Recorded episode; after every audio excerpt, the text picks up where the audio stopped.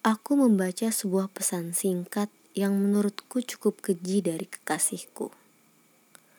Perempuan yang telah kupacari selama setahun terakhir ini mendadak ingin berpisah dariku. Alasannya cukup klise dan amat menyebalkan. Sayang, aku ingin berkonsentrasi dengan kuliahku dulu.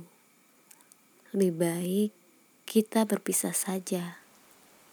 Ah, Alasan macam apa itu? Sungguh tidak masuk akal. Memangnya aku bocah bau kencur yang bisa mudahnya percaya dengan alasan ingin berkonsentrasi pada studi. Setelah menerima pesan singkat terkutuk itu, aku pergi ke apartemennya. Aku tidak bisa diputuskan secara sepihak seperti ini. Aku harus mendatanginya dan mendamprat perempuan itu. Tidak, aku tidak sekeji itu. Aku akan berbicara baik-baik dan aku yakin kami akan berbaikan lagi. Karena kami saling menyayangi. Tok, tok, tak ada yang membukakan pintu. Aku menggedor lebih keras hasilnya nihil. Tiba-tiba saja ada pria berjaket hitam yang tak sempat ku kenali wajahnya.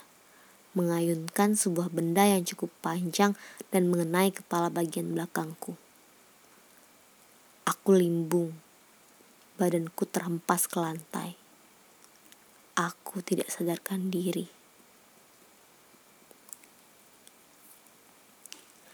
Aku melihat titik cahaya membias lebar memaksa mataku terbuka. Tapi ada yang menjanggal dari apa yang bisa ditangkap oleh indera penglihatanku. Semua serba putih. Putih tanpa ada benda bertepi gelap atau berwarna hitam yang menunjukkan perspektif pandang. Tidak ada selain warna putih. Sesaat kemudian, semuanya berjalan seperti tidak asing. Aku mencoba mencari jawaban atas kejadian aneh yang baru saja aku alami. Melihat sekeliling, tiba-tiba mataku tertumbuk pada sebuah kalender yang menggantung di dinding yang membuatku berkedip ngeri. Tepat di angka 30 bulan 6 diberi lingkaran berwarna merah dan tulisan tuntaskan dendam.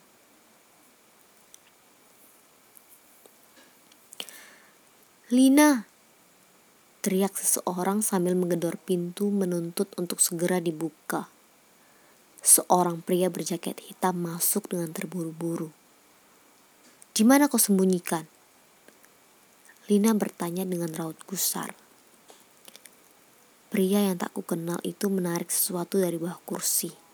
Aku terperanjat melihat sebuah jasad tak bernyawa terbaring di lantai. Aku tak asing dengan wajah itu. Astaga, itu jasad.